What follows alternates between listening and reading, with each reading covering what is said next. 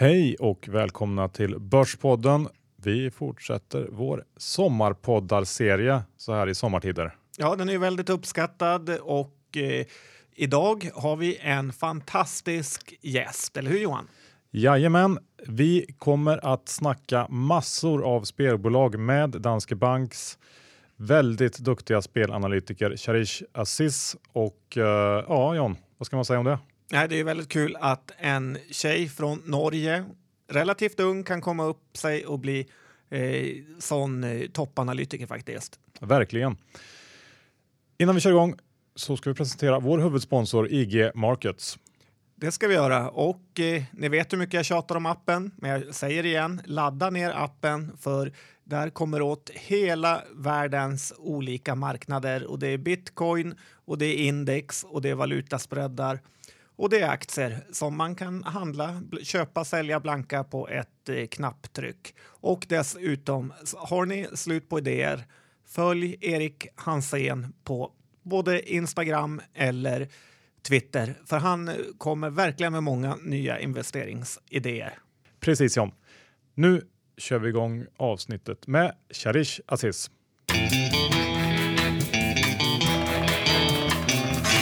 Då säger vi välkommen till Sharish Aziz, eh, spelanalytiker på Danske Bank till Börspodden. Tack. Tack. Kul att du vill komma hit. Kul att vara här. Du snackar lite norska, berätta. Det gjør jeg. Uh, jeg er jo egentlig uh, fra Norge. Uh, oppvokst i Oslo, født i Pakistan. Og vi spoler lite mer tilbake. Uh, og sen har jeg bodd i Stockholm nå i uh, snart to og et halvt år. Uh, så min svorska blir jo bare verre og verre. og min grammatikk er helt forferdelig og kan verken svensk eller norsk lenger. Så det blir mye Fredrik Skavlan på meg. Ja, men det låter bra, Da kommer vi nok eh, Og Och du jobber på Danske Bank. Riktig. Hvorfor ikke Norske Bank? Uh, fordi uh, nå, Man skal ikke snakke ille om Norge, men uh, nordmenn er veldig behagelige. Eller ja, liker å ha det veldig behagelig. Lotta. Hva sier du? Lotta. Ja. det er mye ovale weekends og tur på hytta på vinteren eller på sommeren ved sommerhytta. og det blir jo veldig lite fok... Eller liksom Norge, laks, olje det, det stander der. Uh, Stockholm er jo bra. Mye bredere fokus. Man uh, kommer ut av sin norske boble og kommer på at man, liksom, det fins andre sektorer i denne verden også. Men om vi, om vi spolar tillbaka lite då. Vad, eh, vad eh, pluggar du och hur har du liksom kommit till Danske Bank? Uh, jeg plugget på Handelshøyskolen i Bergen, uh, den norske. Og der plugget jeg finans. Uh, of course. Uh, og sen... Uh, sen... er, den, er, det den beste i Norge? Eller hvilken? ja, det finns to stykker. den private ligger i Oslo, som er BI. Hvor man kan liksom, ja, betale for å komme inn. Og sen så er det den riktige Hanseskolen som ligger i Bergen, hvor det regner hele tiden. og Og det er en stor oljestad med, eller hur? Nei, ja ish. Stavanger er den største. men Stavanger er ikke så langt unna Bergen. Um, jo, sen så har jeg også jobbet et og et halvt år i et private equity-bolag. Uh, secondary buyouts i Oslo.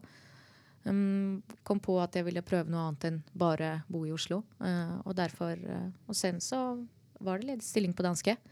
Så det funket veldig bra. Hvordan kom du inn på spillbolag?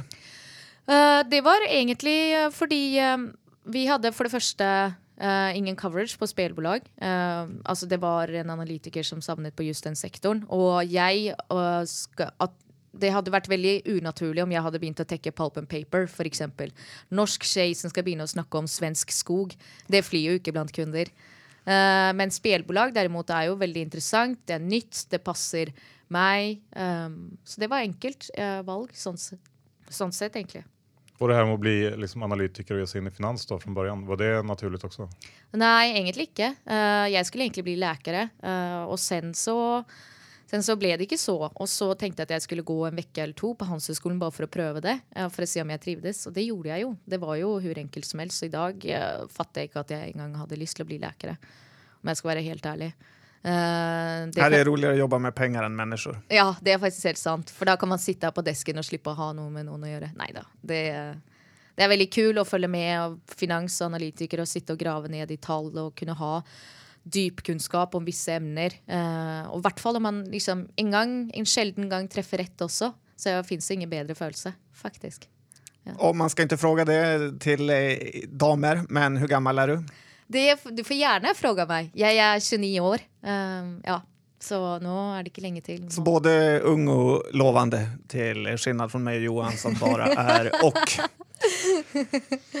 Ja, men ska, vi ta, ska vi ta några sådana här snabba, vi brukar ha några snabba frågor som man ska svara, försöka svara snabbt på ja. för att eh, man ska lära känna våra eh, intervjuobjekt lite bättre. Ja. Så vi kan väl börja. Eh, bästa spelbolaget, alla kategorier. Kindred. Är spel, den svenska spelregleringen bra eller dålig för bolagen? Den er dålig fra et uh, EBIT-perspektiv. Men den er bra fra et uh, mindre operasjonell risikoperspektiv. Skam eller House of Cards? House of Cards. Er det en overdriven hype kring svenske spillbolag nå? Uh, det syns jeg absolutt ikke. Uh, det er en veldig viktig sektor. Uh, man kommer alltid til å spille. enkel form for entertainment, accessible for alle. Så ja. Hva er neste trend innom spillende? Mobil kommer til å, til å, være Man kommer til å slutte å bruke desktop fullstendig, tror jeg. Uh, og tablets eventuelt kommer til å fase ut lite også. Alt kommer til å hende på mobil. Mulig man går inn i VR, men VR enda lite mer. Det skaper en liksom, hurdle. Uh, så jeg tror nok mobilt er vel det store, største. Tykker du spillbolag er etiske?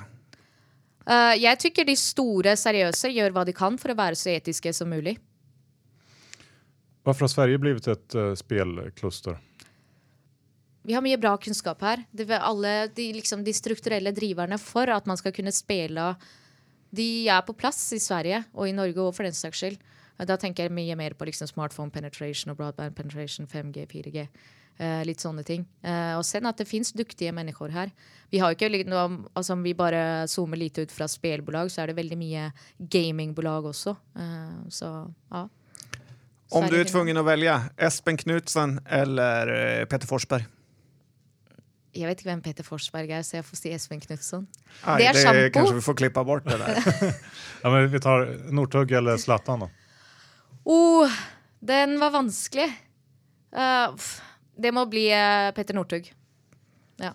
Det her går ikke så bra, Johan. Om vi da sluttlig sier Oslo eller uh, Stockholm? Det får bli Stockholm. Ja, endelig. Takk. Ja, ja. Vi bryter för att snabbt påminna om vårt sommarsamarbete med Nextory. Nextory som ju är störst på e-böcker och har tusentals ljudböcker. Alla Börspoddens lyssnare får möjlighet att lyssna och läsa gratis i 30 dagar genom att gå in på nextory.se kampanj. Det är alltså N-E-X-T-O-R-Y och då fylla i koden Börspodden John. Och det här kan man då säga upp precis när man vill. Man kan lyssna i 29 dagar på eh, massor av böcker. Själv lyssnar jag i nästan dubbel hastighet för att klämma så många som möjligt och sen säger man upp det. Ja, du gillar ju hur Kalle pratar. Sen kan man ju registrera sin eh, tjej eller sambo när sina 30 dagar har gått ut. kan man också göra. Hur som helst, det här tycker vi är en bra deal. Gratis är gott. Och uh, John, har du något tips så här mitt i sommaren på vad man kan lyssna på? Ja, det finns ju Per H Börjessons bok där Så kan alla svenskar bli miljonär, vilket jag tycker är en väldigt eh, kul bok. Och det är många som har läst den, men har man inte läst den så kan man eh, faktiskt göra det här. Ja, jag tänkte passa på att lyssna på Spekulanten som ju handlar om Erik Penser. Eh, den har jag missat och tänkt läsa. Nu såg jag att den fanns här så att det ska jag se till att det blir av. Ja, kul med så många ekonomiböcker.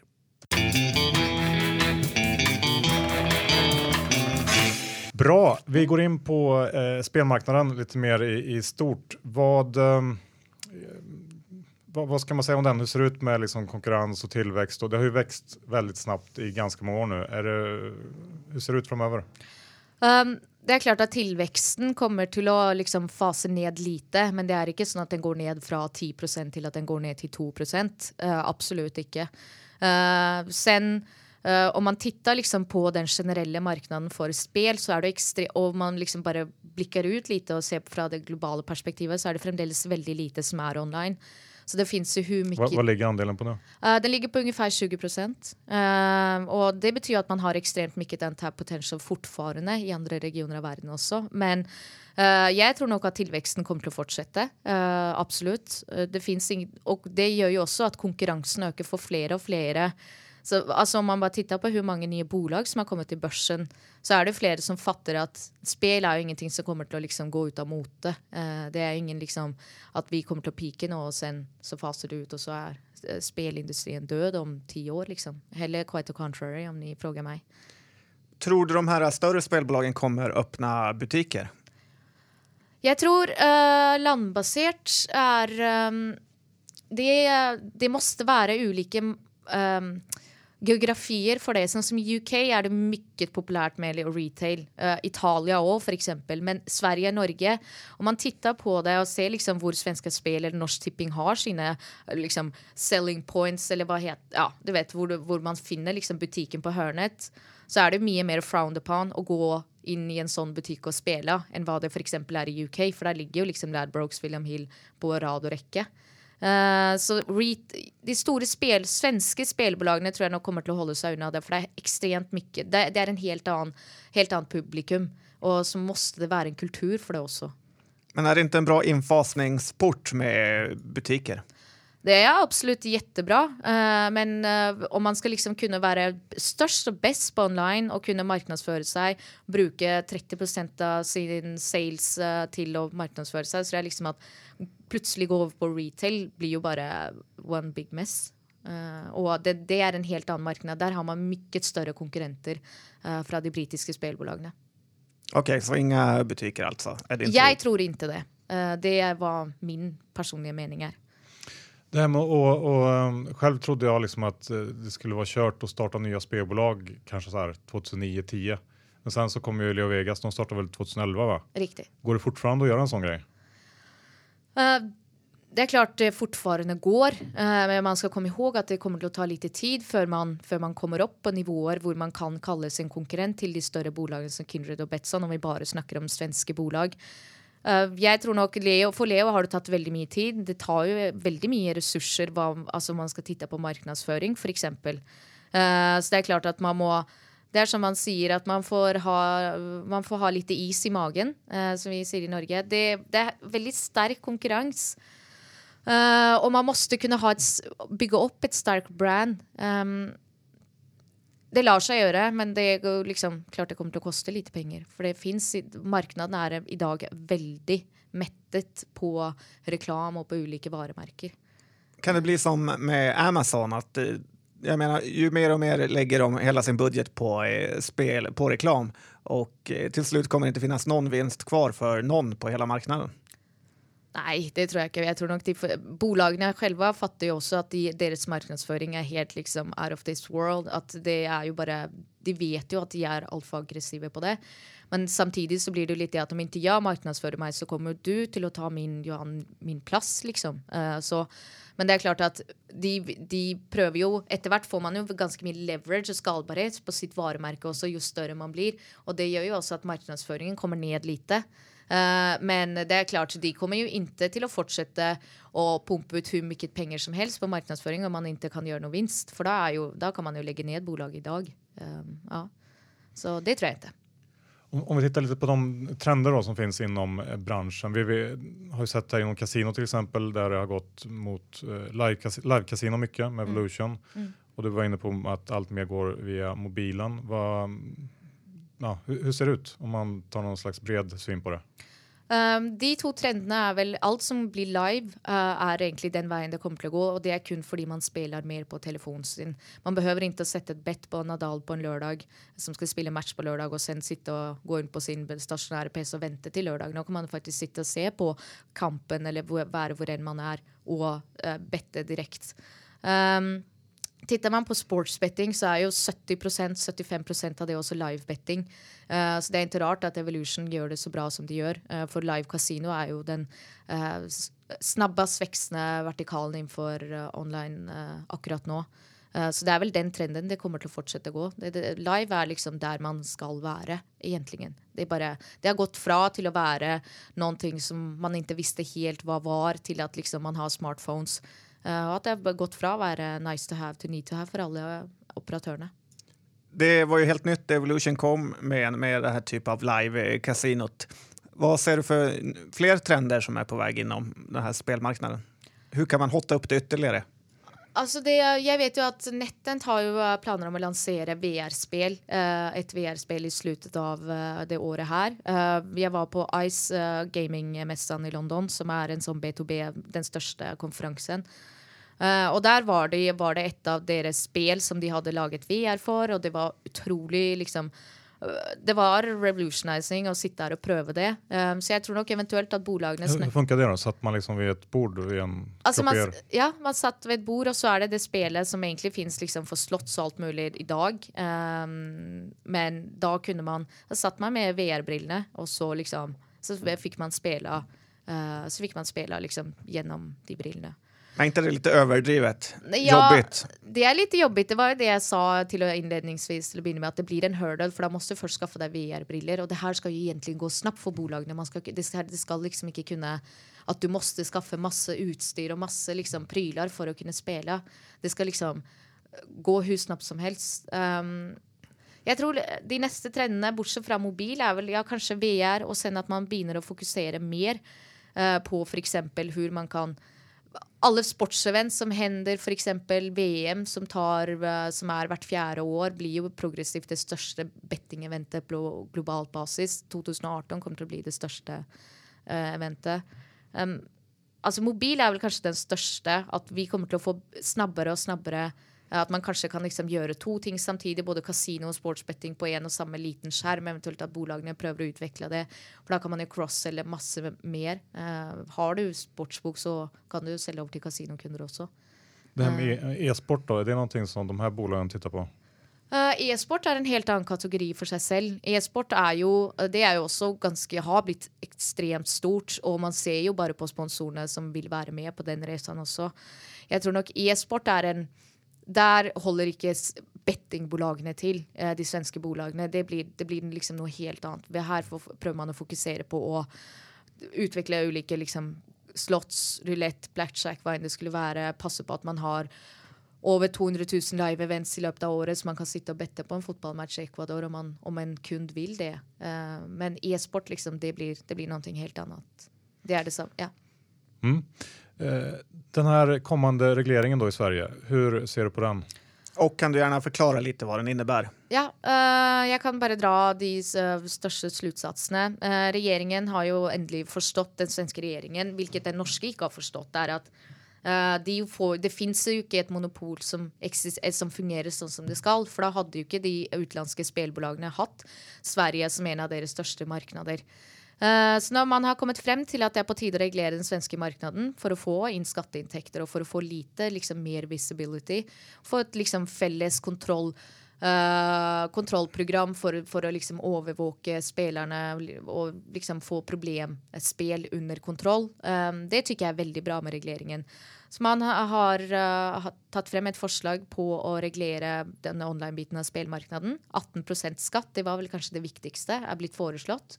Eh, for det gir eh, operatørene insentiver til å kjøpe lisens. For høy eh, skattesats blir jo bare punitive, eller liksom den, den works against its purpose, litt som det er i Frankrike. Men det er 18% skatt fra Uh, fra 2019, uh, 1. januar i 2019. Jo, men hvilket belopp, Hvor tar man den ifra? Uh, den kommer til å komme på gross wins, som jeg ikke tar så veldig feil, faktisk. så det Ja de, altså det, det, det, her er et forslag som er blitt lagt frem. De skal jobbe mye mer på det. Det er nå ute til remiss. Blant annet det skal sendes til EU.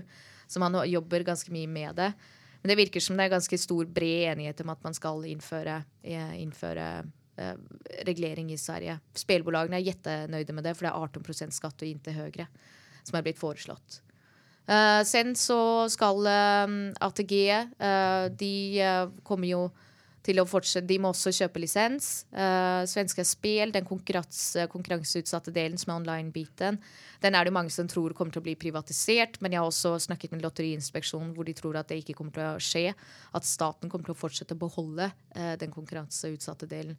Altså for, altså for, det var jo snakk om at svenske Spel online skulle be, liksom, at det skulle være en IPO, eller om man selger det til noen private aktører, liksom PE-bolag eller noe sånt. Vi får se hva som skjer. Uh, og sen at man kjøper lisenser, man må også være super compliant, bank-ID, uh, litt diverse sånne ting. Og det, statens mål er at denne reguleringen skal være effektiv. At man har en, lise, en ansøkningsprosess uh, fra juli 2018 til desember 2018, og sen at liksom, dette skal være effektivt eller tre i kraft fra 1.1.2019. Men nå tror jo spelbolagene allerede nå at det kan bli forseninger der. Så vi får se. Hvor mange lisenser deles ut, eller finns, kan alle få som vil? Jeg tror, sånn som jeg har forstått det, så kommer det til å ikke være en stor begrensning på lisenser. Nei, det kommer det ikke til å være. Hva hender for spillbolaget som stiller seg utenfor? Uh, det som kommer til å hende, er at uh, den det kommer ikke til å være noen IP-blokk eller noe sånt, har det gått frem av forslaget. Men, men, det kommer til å komme opp et varningssignal som sier at dette er en site. Om jeg sitter i Sverige og spiller, og går inn på en annen spelbolagssite som ikke har kjøpt lisens, så kommer det til å komme opp et varningstekken og sier at det her er en site som ikke er lovlig. Uh, det er det eneste som kommer til å skje. Uh, man, for man får liksom ikke gjort ting. Jeg vet ikke, Det er klart man kan prøve å sette opp masse IP-blokker og brannmurer og whatever, men uh, vi får se. For de bolagene burde kunne erbjuda høyere odds. Absolutt. Og høyere payout ratios kommer de også til å ha. Men uh, samtidig er man et stort, seriøst bolag, og har man en institusjonell eierbas som er blant de største i Sverige på investeringsfronten, så tror jeg nok at man skyter seg selv ganske bra i foten når man ikke kjøper lisens. Hvilke blir eh, vinnere og tapere på det her? Um, det her er jo klassisk uh, fråga. Vinnerne, om man skal liksom titte på skatten og hvem som får ta den største smellen, så er det helt klart vinnerne er jo bolag som Evolution Gaming, Kambi, f.eks. NetEnt. De er jo B2B-operatører. De kjøper jo bare tekniske lisenser og ikke selve spillisenser. Um, Evolution har jo en ganske sterk markedsandel. De har jo en ganske høy pricing power også hos sine kunder. Uh, så det er klart at det kan hende at liksom det skjer lite reforhandlinger i kontrakter, men man skal ikke liksom tro at de får 18% av deres vinst også kommer til å forsvinne bare fordi det kommer regulering i Sverige. Um, de forlorerne, om man skal titte på et liksom, finansielt perspektiv, så er det selvfølgelig B2C-bolagene. Man ser jo at det kommer til å komme uh, i 2019, om både Holland og Sverige kommer da. Så kommer det til å bli en liten dipp i, uh, i uh, EBIT-tilvekst. Men det er liksom Ja, om man får kalle de forlorere, så er det jo det. Men samtidig så får man jo får man jo også sett hvilke bolag som egentlig liksom har en bra nok affærsmodell til at de kan betale spelskatt og ändå være, um, ändå være hva skal man si, compliant. Um, ja.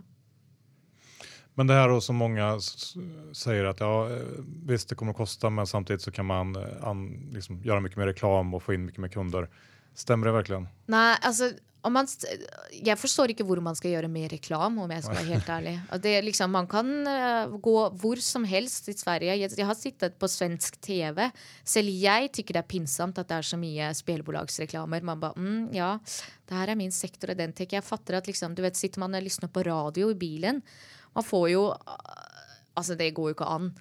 Uh, samtidig, så jeg, jeg, tror liksom, Hva mer er det man kan sponse? Hva da en liten divisjon i fotball her i Sverige? Er det liksom det som skal bli the needle mover? Nei, det tror jeg absolutt ikke. Spillbolagene reklamerer nok fra før av. Jeg tror ikke liksom at og ok, Sverige åpner opp. Det er jo fremdeles liksom Clear Channel og Discovery som eier de største markedsføringsplattformene. Og man liksom går rundt i Stockholm City. Og det har jo spillebolagene allerede avtale med. Um, så jeg tror liksom ikke at det kommer til å åpne opp for at man kan markedsføre seg hvor mye mer som helst. Det, liksom, det tror jeg bare er en Man prøver bare å bortforklare det, uh, tykker jeg. Ja. Hur, tror du utländska eh, spelbolag kommer å agere? Eh, kommer de å bli mer liksom, aggressiva eller eh, liksom, hur, kommer marknaden her i Sverige påverkas? Det, tror nok det kommer til å bli enklere for utenlandske spillbolag. Det, det, er klart at de, liksom, eh, Den svenske markedet er veldig mettet av de nordiske operatørene. Og de har sterke liksom, de har gode, OK, bra uh, markedsandeler. For utenlandske spillbolag så er det jo bare å kjøpe en lisens. Uh, og sen så kan de også begynne å markedsføre seg her. Vi har jo allerede Bet365 som holder på, men de er jo private. Men jeg tenker på liksom at Perry Power Betfair virkelig vil ta svenske markedsandeler, så tror jeg ikke det er noe problem for de, Og det kommer bare til å øke konkurransen for, uh, for uh, svenske spillbolag. Så jeg tror nok de kommer til å se at Man skal jo komme ihåg at uh, nordiske spillere, med tanke på vår disposable income, om man sammenligner med spillere fra spillere fra f.eks. Øst-Europa, så er det en ganske stor altså det det er ikke akkurat til å skyve under en stol at det fins en liksom stor skillnad der mellom hvor mye man kan spandere. Uh, det er klart, liksom, man vil jo alltid ha Nordmenn spiller jo som galinger, og det gjør jo svensker også. Så det er liksom det Jeg tror nordiske spillere er noe man vil ha. Svenske, norske spillere. I hvert fall svenske. Uh, så konkurransen kommer nok til å øke. Och, tror du att det kommer ske liksom organiskt eller, eller att det blir mycket förvärv och, och, och finns det mycket att förvärva om man vill in på, på den här svenska marknaden? Den enkleste måten uh, for å få snabb uh, å si, uh, inngang til Sverige er vel selvfølgelig å ikke gå greenfield, men heller bare kjøpe noe. Organisk, ja, klart man kan liksom prøve å markedsføre seg og litt diverse. Men det tar jo så mye tid. Uh, det beste er jo bare å kjøpe opp et lite, eller ikke et lite, men kjøpe opp et bolag som eksisterer på den svenske markedet allerede. Uh, og sen uh, ja, fortsette derifra. Kan du prikke ut noen? om jeg kan prikke ut noen? Som er i faresonen eller forhåpningssonen på å bli utkjøpt? Ja, faresonen Jeg skulle vel tenke meg at uh, Mr. Green med sitt sterke varemerke her i liksom, Någonting har du gjort rett med tanke på at liksom, alle kommer ihåg han grønne mannen. Selv jeg kommer ihåg honom fra liksom, da jeg bodde i Norge. Ha, de er jo en veldig bra kandidat sånn sett. Uh, jeg tror nok eksempel Kasumo, men de er jo ikke akkurat De er jo private. Um, så Men Mr. Green hadde vært en sånn bra kandidat sånn sett. Uh, Betson Kindred for store. Der tror jeg nok man betaler premie for Kindred. Ganske OK premie også. Uh, Betson lite støket med Turkiet, men ja, og de har ganske mange varemerker. Så vet man ikke om eierne er villige til å, til å selge heller. Um, så om jeg måtte peke ut et, så blir det Mr. Green. Spennende. Innan, innan, vi går inn på bolagen så tenkte jeg bare, eh, hva tittar du på som analytiker når du analyserer spillbolag? Hva er viktigst? Det viktigste, det er jo helt klart altså, ja, men, typiske siffror, of course. Men sen så måste man jo også kunne titte på Ok, Om de legger mye markedsføring i et kvartal, får man inn like mange aktive kunder? Hvor flinke er man til å ha en retention rate på sine kunder? Hvordan går det med sportsbokmarginalen? Er den ekstremt volatil, eller klarer man enda å ha en ganske sustainable, eh, liksom, stabil margin? Hur er det med businessen? Er det mykket liksom, at man går fra en region til en annen, fra et kvartal til et annet, eller har man en ganske sterk markedsposisjon i visse regioner, f.eks.? Sterkt varemerke. Hva tenker man på sin, um, på sin um, forvervsstrategi? Hvor titter man på sine forverv? Er det bare for å liksom er det bare for å booste mer spillere, eller er det liksom tenkt at dette skal være noe langsiktig også innenfor reguleringer i ulike markeder, f.eks.? Provspelar du de olika eh, spelsajterna? Ja, det må man gjøre. Hvem er du mest imponert av?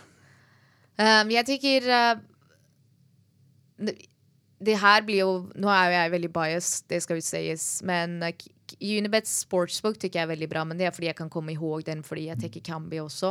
Jeg tykker man har hvor mye liksom, live events og alt mulig.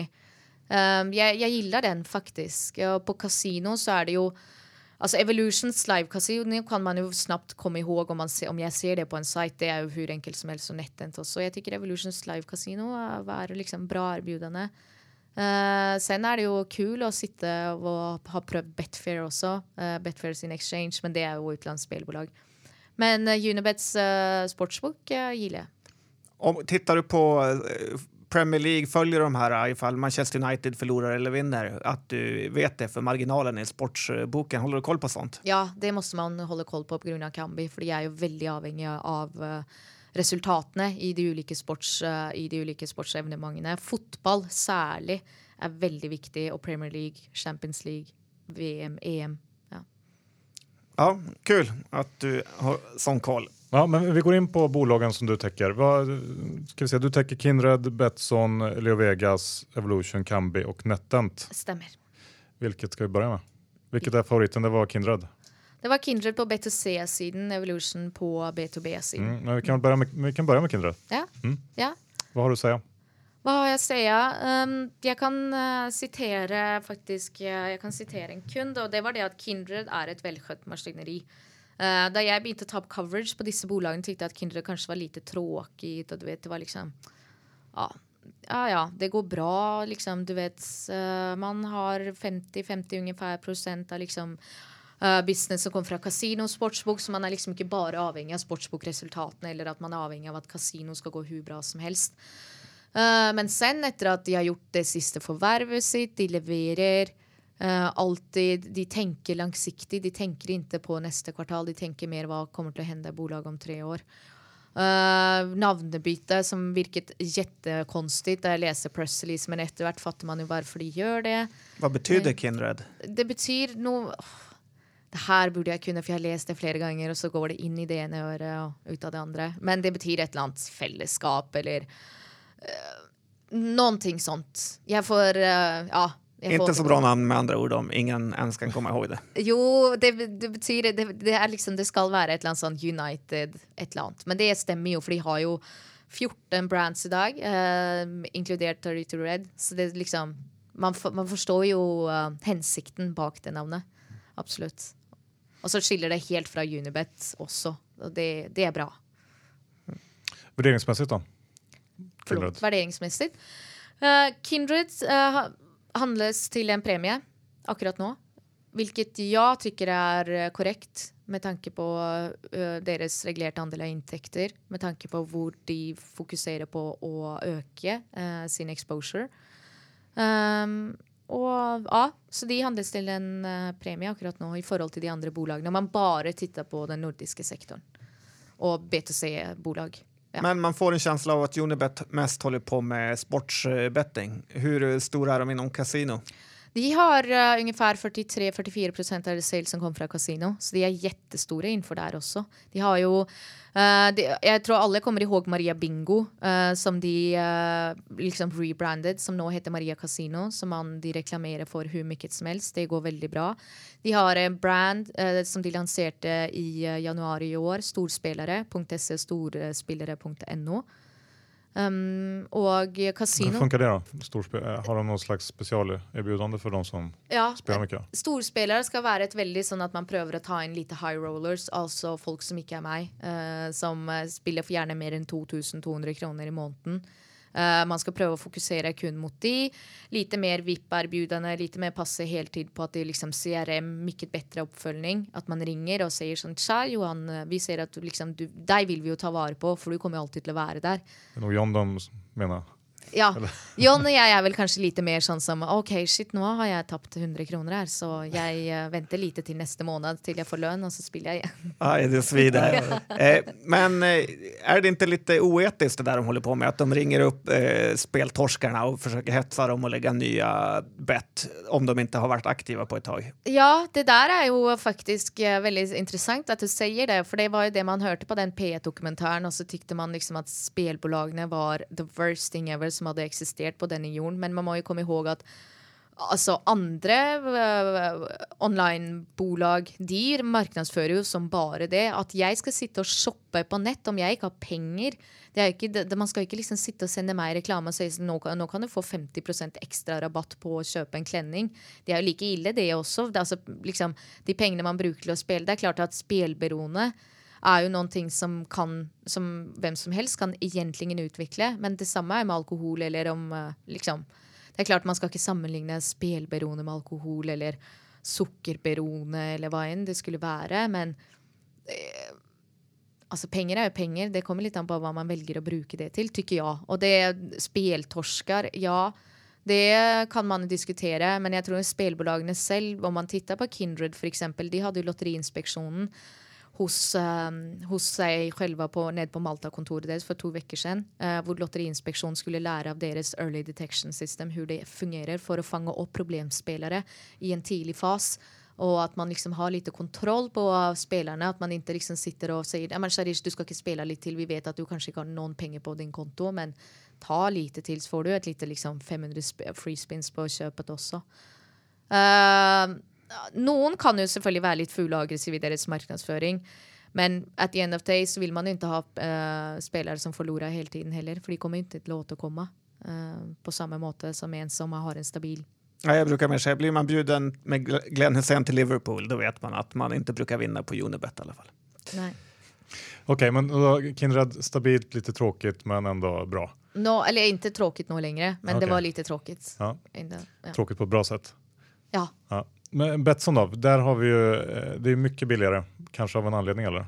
Hva tycker du om Betsson? Exakt. Uh, det, det, man kan jo si sånn ja, men Betsson handles til en rabatt. Uh, så det, jeg tycker det ser billig ut, og det, det, er klart man kan ta det. Ja, men det, absolutt, det får man jättegärna kjøpe, men sen så må man jo komme ihåg um, de profitvarnet i Q2 i fjor.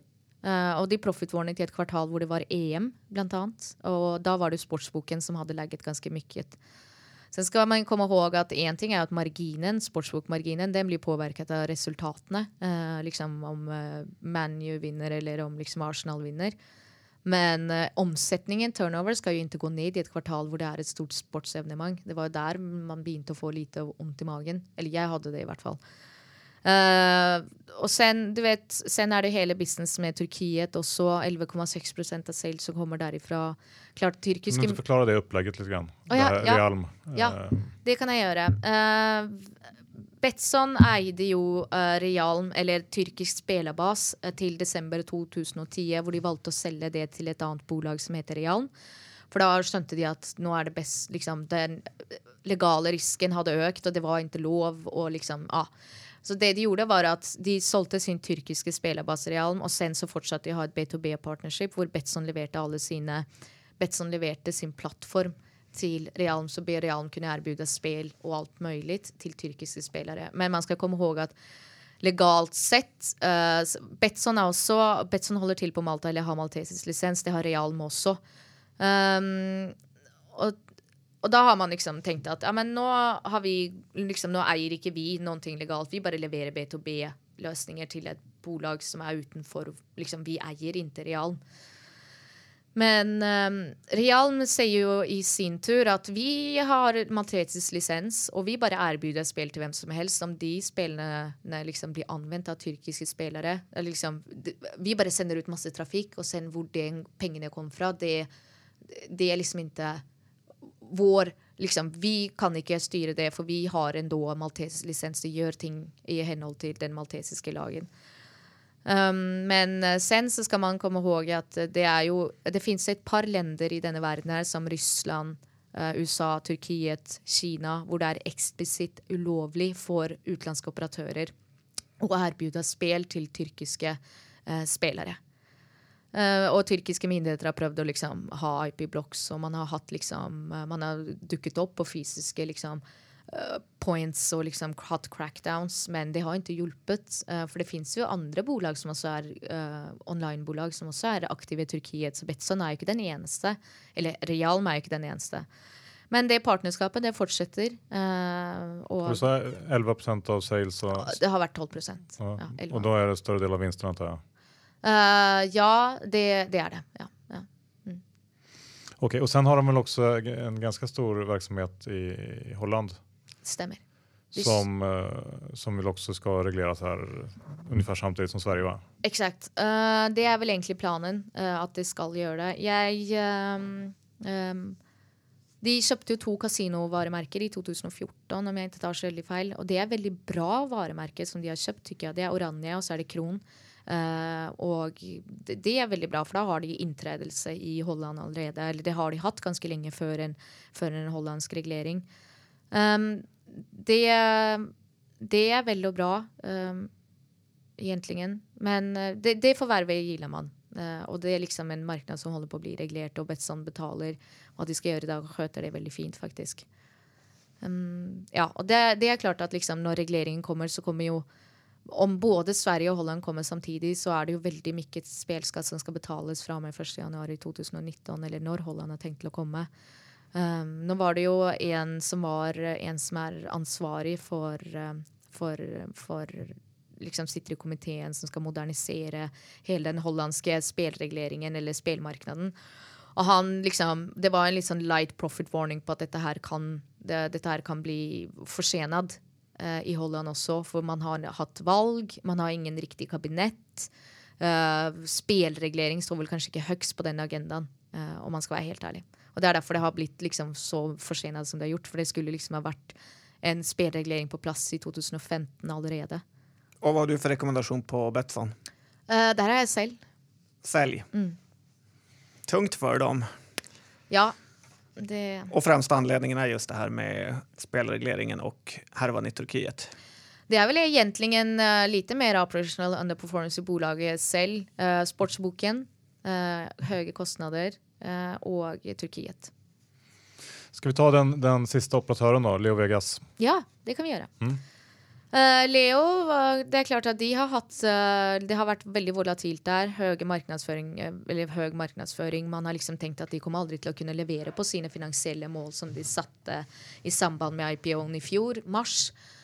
Uh, 300 millioner euro på topline i 2018, 15% EBITDA. Um, jeg tror nok de kan nå det målet, for de to siste kvartalene har de vist at, har de, vist at de begynner å bli et større og større varemerke, kjøper mer lisenser i regulerte markeder. Det er vel og bra. Um, men uh, sen er det klart at veldig mye av liksom, sales kommer til fremdeles fra kasino. Men jeg at det var bra at de lanserte sportsbok også. Uh, for da er det jo liksom Det var klart at de lanserte den rett før EM for å få lite liksom, av den cross-sellingen der. Uh, sen var det veldig mye bonus hunters, nye kunder som kom inn i samband med EM, som falt fra i augusti, typ, og det så man liksom på aktiviteten der. Men jeg tror nok de kommer til å satse ganske hardt innenfor neste VM. Og sen tror jeg liksom sportsboken kommer til å ta en større andel av deres sales. Og så får man litt mer balansert uh, portefølje. Jeg tror nok de ikke er der for å bare gjøre snabbe penger og sen selge bolaget videre. Jeg tror virkelig de vil satse på å gjøre Leo uh, til, til, en liksom riktig konkurrent på den svenske spillmarkedet. Hva er det de har gjort uh, som har vært så rett fra å komme fra ingenstans til å være et av de eh, større spelbolagen. Mm. Hur har de kommet dit så fort? Ja, men det, det, det er jo en enkel grei, og det er det at de har kjørt på med ett varemerke. Det er Leo Vegas, og så er det Løven. Og alle kommer ihåg det. Det er liksom Så enkelt funker det. Og Frank. Og så, og, ja, just det. det. Han er svensk. Han så jeg faktisk reklame Ja, det, han er veldig populær. Har jeg som nordmann forstått at jeg bare må lese meg opp på han. Eh, det er han bokseren, er det ikke? Brottere. Brottere, ja, ja. Same, same. Uh, jeg tenkte på ja, men Markedsføring av varemerket, det er bare å etablere det. så Det, liksom, det står innprentet i alles jeg tror jeg, hjerner nå at Leo Vegas er ett varemerke. Og det liksom og så er det Løven. Det, det, er jo det viktigste. At man liksom klarer å break through the noise i, i denne sektoren her med sitt, størst, liksom, med sitt brand. Så loggen er viktigere enn man tror? Den er veldig viktig. Faktiskt. Finns det ingen annan som kör den här liksom aggressiva marknadsförings, eh, liksom lite Amazon-stuket, att man bara kör allt all in på växa? Uh, För det känns ändå som att de här Betsson och Kindred har varit lite mer ja, men balanserade när det, gäller, när det gäller det, om man jämför med Leo. Ja, de, men Betsson og Kindred har jo eksistert veldig lenge, så de har jo med seg historikken også. De behøver liksom ikke å bare tenke på at de skal komme på lik linje med Leo i dag, for, bare fordi de kom liksom til verden for fire år siden. Uh, så de, de, de, var jo blant de første spillbolagene her også. Sen alle kommer ihåg Unibet, og det er grønt, og Maria Casino nå, f.eks. Jeg tror nok Betson, Betsafe, Nordic Bet Alle kommer ihåg det også. Um, Leo derimot vet at de har to store konkurrenter. Um, så jeg tror nok Det er klart alle markedsfører seg, og Betson har jo over 20 varemerker i dag. Det er jo klart at de også måtte markedsføre visse av de veldig Sånn som Betson som samarbeider med den svenske svømmeren Sara Sjøstrøm. Uh, det, det, er klart Man gjør jo hva man kan for å liksom, styrke sitt varemerke, men Leo har, må, måtte komme i kapp med de. Uh, eller jo, ligger jo ganske OK til. Så. Men det å ha ett varemerke jämfört med en håndfull, hva, hur ser du for- og nackdelar på det? Fordelen er at man kan eh, booste all, eh, all markedsføring på just det varemerket, og så har man bare liksom Man har bare ett uh, merke å holde koll på. Er man 23 varemerker, så måtte man jo bruke mye mer marketing på å holde alle i live. Og sen kan det hende at man må bruke i ulike markeder i tillegg. Uh, for Betsafe fungerer jo ikke bare i Sverige. Liksom. De skal jo få Betsafe med tanke på at de sponser Gumball. At det skal være et bra liksom, i det øvre segmentet varemerket i, blant vesteuropeiske spillere. Uh, flere varemerker, jo, man får mer exposure. Uh, man får en større del av kaken. Uh, share of wallet øker jo. om jeg spiller på Betsafe og du spiller på Nordic Bet, så er vi fremdeles under Betsons paraply. eller om jeg spiller på Unibet eller om jeg velger å spille på Maria Casino. Da er jo fremdeles Kindred som kommer til å få alle pengene til slutt. Uh, så det er klart, kanskje lite mer markedsføring om man har, om man har flere varemerker. Uh, og man får større share of wallet, men på ett varemerke så har man jo ett varemerke å holde koll på. det måtte jo være svårare med for Leo Vegas å forverve, eftersom de bare har ett forverv. Man vil, kan ikke bare byta liksom, navnet. Nei, uh, de har jo de, Leo, i motsetning til sine peers, har jo ikke den samme forvervshistorikken. De har gjort ett forverv til nå. De gjorde ett i februari. Binga kjøpte et lite italiensk varemerke for å kjøpe italiensk lisens. Um, det tykte jeg var smart. Uh, og de kommer nok til å fortsette. De har en OK cash position, og jeg tror nok de kommer til å fortsette å øke. Eller de kommer til å gjøre flere forverv, og der ligger jo potensialet. Men jeg tror nok de, eh, Og da gjør de ikke kanskje bare liksom, andre forverv for å komplementere med mer spillere, men også eventuelt strategiske forverv. Så de nok, Det er ikke det at de kommer til å døpe om Vinga direkte til Jo Vegas. Uh, for da tapper de jo en del markedsandeler der. Men eh, de kommer til å gjøre mer forverv. Det, det er jeg helt sikker på. Og din rekommendasjon på Leo var? Den er kjøp med riktig kurs 72 kroner. Mm, som bør nærme seg. Veldig. Det har gått ekstremt snabbt uh, den seneste tiden, mm. faktisk. Vi, vi, går over til, til B2B-spillerne. Mm. Uh, Evolution var din favoritt der? Riktig. Mm. Og det er jo pga. deres sterke markedsandel. Uh, de har jo omtrent monopolsituasjon på live casino. Det får man jo bekreftet når man snakker med deres konkurrenter og deres kunder. Uh, Evolution um, B2C, eller kundene deres, vil eh, ta Revolutions Live Casino, for det er noen ting spillerne kommer ihåg. Og har man ikke Evolutions seks første spill på sin hjemside på Live Casino, så er det jo risk for at spilleren går til en annen site og spiller der i stedet. Um, det går jo Evolution signer kunder hele tiden. De signer statslotterier, hvilket er bra kunder. I um, hvert fall det nederlandske statslotteriet som de signet nå for uh, et par uker siden. Eller lite mer enn et par uker siden. Det er veldig bra innenfor regulering. Um, da øker sjansen for at de kan signe svenske spill òg, blant annet. Hvorfor skulle man ikke gjøre det? Um, de skal åpne opp et tredje studio. De har ekstremt mye uh, demand for deres produkt. De uh, fortsetter å vokse, leverer gode marginer. Um, man ser ingen store konkurrenter som kommer til å ta over deres uh, posisjon uh, anytime soon. Uh, man, jeg merker også det er klart at liksom, Om deres konkurrenter konsoliderer, så kommer det til å sette press på Evolutions liksom, pricing power og produkt også. Men det ser man ingen, ingen liksom, stor fare for eller risk for i dagsleget. Men det er veldig dyrt? Det er veldig dyrt. det kan man si. Og det har blitt veldig dyrt, og det blir ja, men eh, om man tittar på, om man tittar på deres liksom, tillväxtutsikter så tycker jag liksom att man burde bare klivet på for lenge siden, faktisk. Ja. Det er bra tips. Kjøp for to år siden. men men uh, varför lyckas liksom inte Nettan uh, göra en, en konkurrenskraftig produkt? Uh, Nettan har prøvd, men Nettan har jo fra grunnen av vært et generisk kasino eh, kasinoleverandør, spillleverandør. Eh, det er klart Man har jo prøvd med live kasino. Man begynte for et par år siden. Sen lanserte man i 2014, gikk så der. Og sen så gjorde man en revamp og prøvde å lansere nå i Q3 16. Og eh, de har vel ungefær typ 5% av sales som kommer fra live kasino. Men de merker jo det at det er jo høy konkurranse på den markedet, og den konkurransen den kommer fra Evolution Gaming. Det er Nettan blir brukt som et generisk kasinospill, uh, leverandør, men kommer det til live casino, så velger deres kunder å gå til Evolution Gaming. Sen skal man komme ihåg at Evolution har jo veldig mange eksklusive kontrakter også, hvilket gjør det egentlig vanskelig svårt for Nettan å faktisk kunne si sånn Ja, men ni kjøper generiske spill av oss, vil ni ikke ha lite live casino? Jo, vi kan ha lite live casino til kundene. Og da kommer det spillet nederst på botten. Og jeg, Er man en utålmodig person som meg, så går man jo bare klikker inn på en site og bare ah, OK, men nå, nå vil jeg spille litt rulett her, så jeg bare klikker inn på den første jeg ser. Man sitter ikke og liksom sammenligner og bare ah, men det her kanskje man skal Det er klart, jeg som analytiker har prøvd det, men en spelare orker jo ikke å holde på sånn. Men hvor mye av deres framgång bygger på det der, og liksom hvor mye selve For jeg tenker, hvor mye kan det skille egentlig, spelen?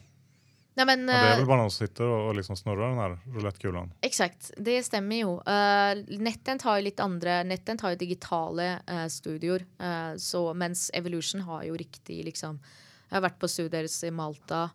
uh, der er det jo riktige liksom studioer, uh, og ba backdropen og alt mulig liksom er jo riktig, riktig. Uh, de, jeg tror det- selve liksom og så er det lite altså Selvfølgelig, om man titter på front-end, så er det ikke stor forskjell mellom liksom klarhet og krispighet og whatever, men det handler mer om liksom känslan av hvor altså Årsaken til at man spiller live kasino, er jo at man vil ha den kjenslen av at man står i kasino, og så kan man stå og prate med dealeren eller croupieren, og samtidig kjenne at ja, men nå står jeg liksom og virkelig i en fysisk kasino. Kanskje man ikke får den samme kjenslen om, om det er digital backdrop. Men det er bare én av årsakene. Och du har köpt på Evolution antar jag, med riktkurs. Uh, med riktkurs 495 uh, kjøper ja, Stemmer. Och uh, finns det någon chans att de ger sig in på sportspel? De, uh, jeg tror nok de forstår selv at de har mer enn nok med å servere alle som står i døren. Uh, så eh, sportsspill er vel ikke noen ting de har uh, kommunisert til meg, i hvert fall. Eh, jeg tror nok sportsspill, klart det kunne være et veldig stort potensial der. Men på sportsspill så måste man Nei. Jeg, korte svar blir nei. Man går fram till en gubbe i en lucka och lägger 20 spänn på disken. Ja. Du tror inte på den uh, utvecklingen? Jeg tror ikke det. Uh, jeg tror Kambi derimot har en ganske bra sportsbok der. Uh, og den tror jeg man skal liksom de ehm, Sportsbok er en mye mer svåre business, faktisk. Uh. Ja, men vi går over til Kambi da. For de, de ehm, eh, blev avknoppade från Kindred eller Unibet hette det då för något år sedan och eh, var ju hypade och sen så blev det ändå lite sådär, det svanade lite grann. Vad, hur ser du på Kambi? Jeg tycker Kambi har et veldig bra produkt. Det tycker jeg absolutt. Uh, sportsbok er eh, Om man først klarer å signe en kund som har hatt en eksisterende sportsbok, uh, så jättebra for Kambi. Der er jo case at de hele tiden skal signe nye kunder, fordi affærsmodellen deres er jo veldig skalbar. Om man liksom først velger å sette odds for en fotballsmatch, så koster det ikke mer penger å legge til Unibet eller noen, et, noen andre kunder på liksom erbjude de samme oddsene, f.eks. Når Kambi liksom først velger å få feed for en tennismatch fra et eller annet sted, så har man jo betalt den kostnaden. Uh, og det ser man jo at det er klart, de har Jeg tror nok at liksom de, den skalbarheten den kommer til å synes mer og mer desto mer um, kunder man signer. Og det er jo det som er så bra med Cambio. Liksom, har man først signet en sportsbokkunde og har B2C-operatøren valgt å outsource sin sportsbok, så har man valgt å gjøre det. Og da sitter de med Cambi. Uh, de har en veldig enkel, bra front. Liksom, en, um, de er veldig fleksible. Det er et lite bolag som er man merker jo på ledningen også at de er veldig opptatt av sitt produkt. Og de er veldig liksom, IT-fokusert. Det har ikke vært ganske trögt med nye kunder, eller? Har vært veldig trøgt. Og det Hva har går det liksom vært million dollar question hver eneste gang jeg snakker med noen. bare, ja, men når skal de signe en ny kunde? Så de så bare, ja, hvis jeg visste det, liksom. De signet en ny kunde på torsdag, faktisk. Colombiansk, uh, colombiansk eh, leverandør. Eh, som har 25 000 selling points ute rundt omkring i Colombia. Cambi skal erbjuda sportsspill til de. Jeg, de har jo allerede meksikanske kunder, så det er liksom bra fokus på hele den latinamerikanske uh, Spanish-speaking world som de holder på med. Uh, men det er klart at det beste hadde vært om de hadde klart å signe noen som William Hill eller noe sånt med eksisterende sportsbok, for da behøver man liksom Signer man en kunst som ikke har sportsbok, så starter man jo fra scratch, egentlig. Um, det har vært lite trøgt på nye kunder, men de signet en på uh, torsdag. Faktisk. Men er det virkelig så skalbart eh, som man tror det her med Kambi? Jeg mener, mye av sportspelen kommer via livebetting, Mm. og der er det jo enda noen type av eh, manuell handpåläggning eh, i och med att de ska acceptera betten i, när det är frispark, hörna och så vidare. eh, Att det är någon som måste titta på det. Mm, mm. Så eh, är, är skalbarheten verkligen där? Jeg tycker absolut at den er det. Det er klart at De får inn mye De tar jo in mye feeds. Eh, de har jo også et par leverandører på f.eks. Betradar, IMG, eh, hvor de tar inn ja, men som sagt, eh, ulike liksom, på live betting. Eh, så det er jo kostnader der, men når man titter på liksom Cambis PNL, du ser jo at kostnadene de, Det er klart de liksom er frem OPEX er jo ganske høyt ennå, men man ser jo at så lenge liksom sales fortsetter å vokse, så ligger OPEX ganske så uh, stille. Og det er der skalbarheten kommer inn, liksom. Jeg tykker at det Ja, jeg, jeg tykker at deres affærsmodell er ganske skalbar. Og det ser man på de um, Det har man sett historisk, uh, faktisk. Bland de mer eh, etablerade eh, operatörerna i Europa, vad är det som gör att de inte liksom, har kastat sig över Kambi och bara liksom, skickat ut sin egen uh, avdelning? Ja, uh... Vad får frågar du liksom runt bland operatörerna? Vad får du för svar? Ja, og det, det handler jo om at uh, man har hatt sportsbok ganske lenge inhouse. Man er et stort bolag. Man ansetter liksom, Da sitter det jo 600 pers som sitter på den sportsboken og administrerer den og jobber med den. Skal man plutselig outsource den til Kambi, jo det er jättebra, for da betaler man jo bare en commission fee uh, hvert kvartal, og sen så fikser Kambi absolutt alt mulig. Men samtidig så skal de gi kicken til 600 pers, og det er ganske kontroversielt. Og sitter en sportsboksjef, så betyr det jo at hans jobb står i fare for å bli Uh, så det, det er liksom sportsboken til B2C-operatører som er, veier like mye som kasino eller poker eller bingo eller hvilke andre vertikaler de har. Det er jo tross alt hjertet. Eh, og det, det blir jo ekstremt liksom eh, Det er mye politisk spill der også. Men hur, hur stor kostnadsbesparing kan man gjøre som operatør? Altså For det første så kan man jo Det man gjør, er jo at man betaler eventuelt en 10% av hva enn man får inn på sportsboken. Eh, men vi ha en sånn affærsmodell eller trappstegmodell at den eh, skal jo insentivisere Jeg vet ikke helt om det her var norsk eller svensk ord jeg brukte. Men de, at jeg som operatør skal prøve å få opp min sportsbokomsetning, for da kan, betaler jeg mindre commission. Og det tykker jeg er en bra affærsmodell, men da, altså, man sparer personalkostnader. Du behøver ikke å tenke på at du skal liksom passe på å sette live eller tekke 200 000 live events i løpet av året, eller hvor mange det skulle være. Du slipper å tenke på at du skal betale uh, feed providers de, deres fee. Uh, det eneste du kan tenke på, er å legge fokus på å markedsføre deg uh, i, i stedet for. Og sen så har du kanskje liksom 20 personer som sitter her ändå og jobber med sportsboken i stedet for 600. Men blir det ikke veldig tråkig, da? For da får alle samme odds hvilken operatør du än eh, går inn på. Det finns eh, det är en mulighet å stikke ut om man har en egen sportsbok eh, central som skjøter oddsetningen. Ja, eh, men når man tittar på hva man velger å spille på, eller bette på som eh, spelare at the end of the day, så er jo veldig mye av de samme liksom, matchene som man velger å fokusere på. Eh, og det er klart at, Men Kambi har en veldig fleksibel affærsmodell, og det hører man jo fra deres kunder at de er jettenøyde med de. Triple Eight blant annet har vært hun nøyde med Kambi liksom, hvor lenge som helst. Det har man sett på etter at de lanserte Kambi som sportsbokleverandør også, hvor liksom, deres omsetning har gått rakt i taket. Um, og man, kan, man, får, man kjøper en grunnpakke, men sen så kan man jo velge å justere hvilke events man vil uh, hake på eller ikke. Man kan justere payout ratio på visse liksom, events, og man behøver jo kanskje ikke alltid å være med på absolutt alle 240 fotballmatchene som spilles på en lørdag. Liksom. Og det er klart at man, noen som velger uh, sier at jeg vil ikke ha Kambi. Ah, hvorfor vil dere ikke ha det? Nei, fordi frontend kommer til å se like ut på mellom 32 Red, Triple Eight, Unibet, uh, alle de andre uh, operatørene, kundene som de har. Men, da skal man liksom, men det kan jo jeg som analytiker se at ok, det her ser ut som at det er en Kambi-leverandør som er leverandøren bak her, men man kan jo få dette liksom anpasset hvor man selv vil det også. De er jo et lite bolag som de er jo tech-nerder alle sammen.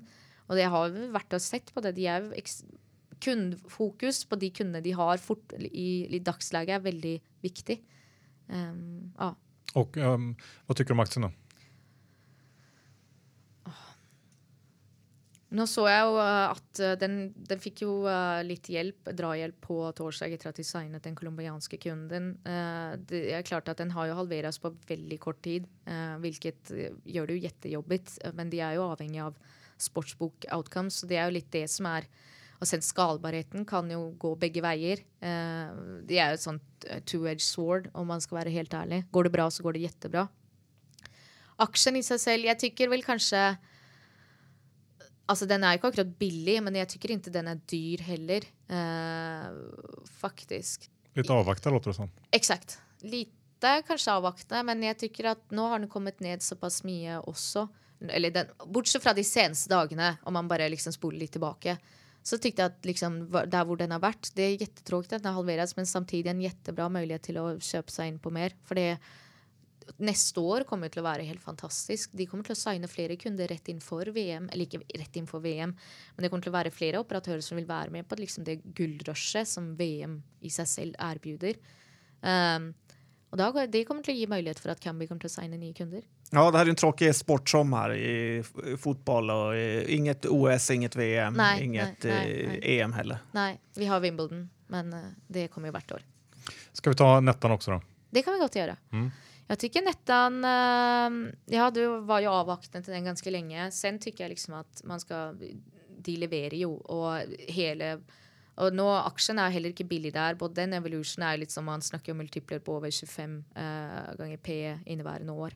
Det er klart at liksom det, det, høres jo absolutt ikke billig ut i det hele tatt. Men samtidig så tykker jeg at de leverer jettebra. De tar en del kostnader nå i Q1 og Q2 de har jo flyttet fire store kontorer, og det er bare jettebra, for det betyr at de også har De har jo veldig stort uh, Hva heter det demand for sine, for sine uh, spill også.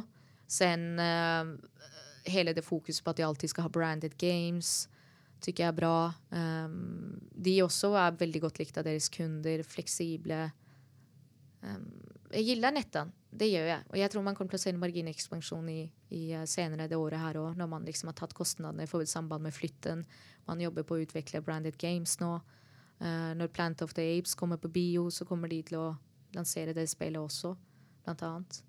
Uh, ja, men jeg gillar Nettan. Lite dyr, of course. Uh, det ska jag inte argumentera mot. Du följer ju även de andra bolagen, även om du inte har eh, riktigt eh, lika bra eh, riktkurser och eh, koll på dem kanske. Men vad säger de om till exempel Catena Media som ändå är lite av en småspararfavorit? Ja, absolut. Catena eh, med affiliate-verksomhet har jeg vist at det, det er jo det eneste affiliate-bolaget, eller man har jo gig og så har Sherry lite affiliate-virksomhet og gjennom Game Lounge. Men Catena er vel det bolaget som lykkes uh, best på det. De uh, har jo vært ute i markedet og gjort en tap issue på sitt eksisterende uh, obligasjonslån, og de vil jo forverve. Det ser man jo. De vil jo virkelig vokse. jeg tykker at man, og det er klart at jeg tykker de har en bra markedsposisjon på affiliate. Affiliate-markedsføring er jo viktig for BTC-operatørene. Det, det, kommer man ikke unna. Man bruker jo 8-9% av sales til, på affiliate-virksomhet. Så det er ikke noe som kommer til å dø ut heller. Um, jeg, gillar, jeg Catena Media. Uh, jeg tykker at det er veldig bra at de har også begynt å uh, forverve sports, uh, sportsaffiliates. For det er også veldig viktig for å balansere liksom, at man ikke bare har kasino. Uh, og sen Katena, affiliate-markedsføring, er noen ting som operatørene måtte ha. Det liksom, ja. Uh, ja, men det er spennende. Ja. Så, eller hur? Uh, Mr Green nevnte du. Ja. de, har, eh, de er kjent for deres grønne gubbe? Ja, de, er, de, har som sagt veldig sterkt varemerke. De har en skattesak i Østerrike som man ikke helt vet når den kommer til å bli klar. Så det tar jo litt hit på, på, på vinsten hvert kvartal. Sen så går det litt så der. Uh, egentlig.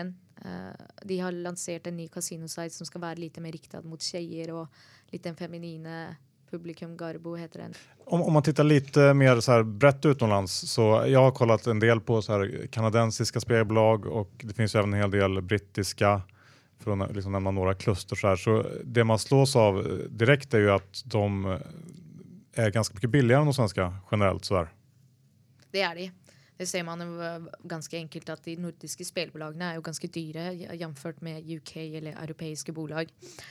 Uh, titter man liksom på vurderingen til f.eks. uh, Jackpot Joy, på Paddy Power, Betfair, Ladbrokes, Coral, GVC, så er det klart at liksom man får jo de til en billigere penge også, men samtidig så er jo Norden en marknad hvor det fremdeles er ganske mye tilvekst. UK er jo, er jo verdens største online-marknad. Man har jo spilt hvor lenge som helst der. Der er jo operatørene enda sterkere og tilvekst altså liksom, Om man kan sammenligne det, så det fins mye mer å ta av i Norden fortfarande, hvilket også kan forklare litt av den värderingsskillnaden på de bolagene. Uh, ja, og sen så De nordiske spillbolagene har jo ganske høye De leverer ganske OK på marginen også, på vinsten. Hvilket uh, Men et bolag som Playtech da, som konkurrerer med, med NetEnt og uh, Evolution. Mm, mm, mm. Det ser også veldig billigt ut og de finnes jo ändå overalt på noe sett. Liksom. Det stämmer. De er, de är kanskje den største konkurrenten til både, både NetEnt og Evolution. Men Playtech er jo et israels, israelisk bolag uh, hvor uh, man hører at liksom, de prøver jo De skal gjerne være veldig hårde i liksom, måten de anskaffer kunder og hvor man liksom prøver å være like eksklusive som Evolution Gaming på sine kundekontrakter og alt det der. Men samtidig så Ja, men det er klart man kan jo velge å kjøpe Playtech, men Playtech har jo prøvd å gape over lite vel for mye. De kjøpte jo en tradingvirksomhet også, så de har ikke bare De leverer ikke bare uh, Er ikke bare leverandør til uh, sportsbok, uh, kasino, poker, bingo, litt diverse. Um, ja absolutt. Man kan jo Ja, det kan man jo Men de, de, på, om man titter litt mer på liksom EBIT-marginer, så tror jeg kanskje ikke at de er like kompetative Eller de er like sterke som f.eks. Evolution eller Nettan. Så man får mer kvalitet i Norden, helt enkelt? Absolutt. Man får mer kvalitet, og man får lite mer reliability og lite mer fleksibilitet på managementfronten. Det er også en viktig bit for en kund. Har du noen norsk favoritt? Det fins bare ett norsk bolag, uh, Gaming Innovation Group, GIG. Uh, de er fortsatt lite vel for små, uh, så nei, jeg har ingen norske favoritter. Bra. det vill jeg höra. Bra, Sharish. Då känns det som att vi har fått väldigt mycket kött på benen när det gäller spelbolagen. Um, tack så mycket. Vad ska du göra i sommar? Uh, takk selv, by the way. Hva skal jeg gjøre i sommer? Det har jeg egentlig ikke funnet ut. Uh, det er snart rapportperiode. Uh, jeg skal i hvert fall være litt ledig. Jeg må bare finne ut av når, om det blir etter rapportperioden. Uh, spillbolagene er jo så snille at det kommer et tips sånn en rapport midt i vekka. Begynner om to uker. Så da må man jo Ja. Det blir litt vanskelig å planlegge rundt det, men jeg tenkte det, jeg skal i hvert fall til Oslo for å, bare for å liksom kjenne at jeg fremdeles er litt nordmann igjen. Uh, ut og reise lite. Kjenne Ja. Det, det, får bli et varmt sted også, så man får jobbet litt på tannen. Ja, men du får hilse eh, Espen Knutsen og eh, Petter Northug når du åker dit. Jeg skal gjøre det. Vi kjenner, alle nordmenn kjenner jo hverandre, så ja. Bra. Takk så mye. Takk selv.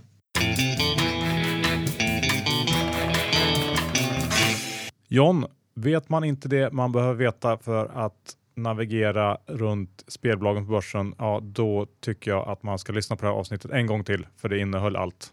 Ja, det gjorde det. Det enda som det inte innehöll var att jag fick eh, snacka norsk, som du vet att jag är ganska bra på. Jag vet, men eh, ja, vi, vi lämnar det helt enkelt.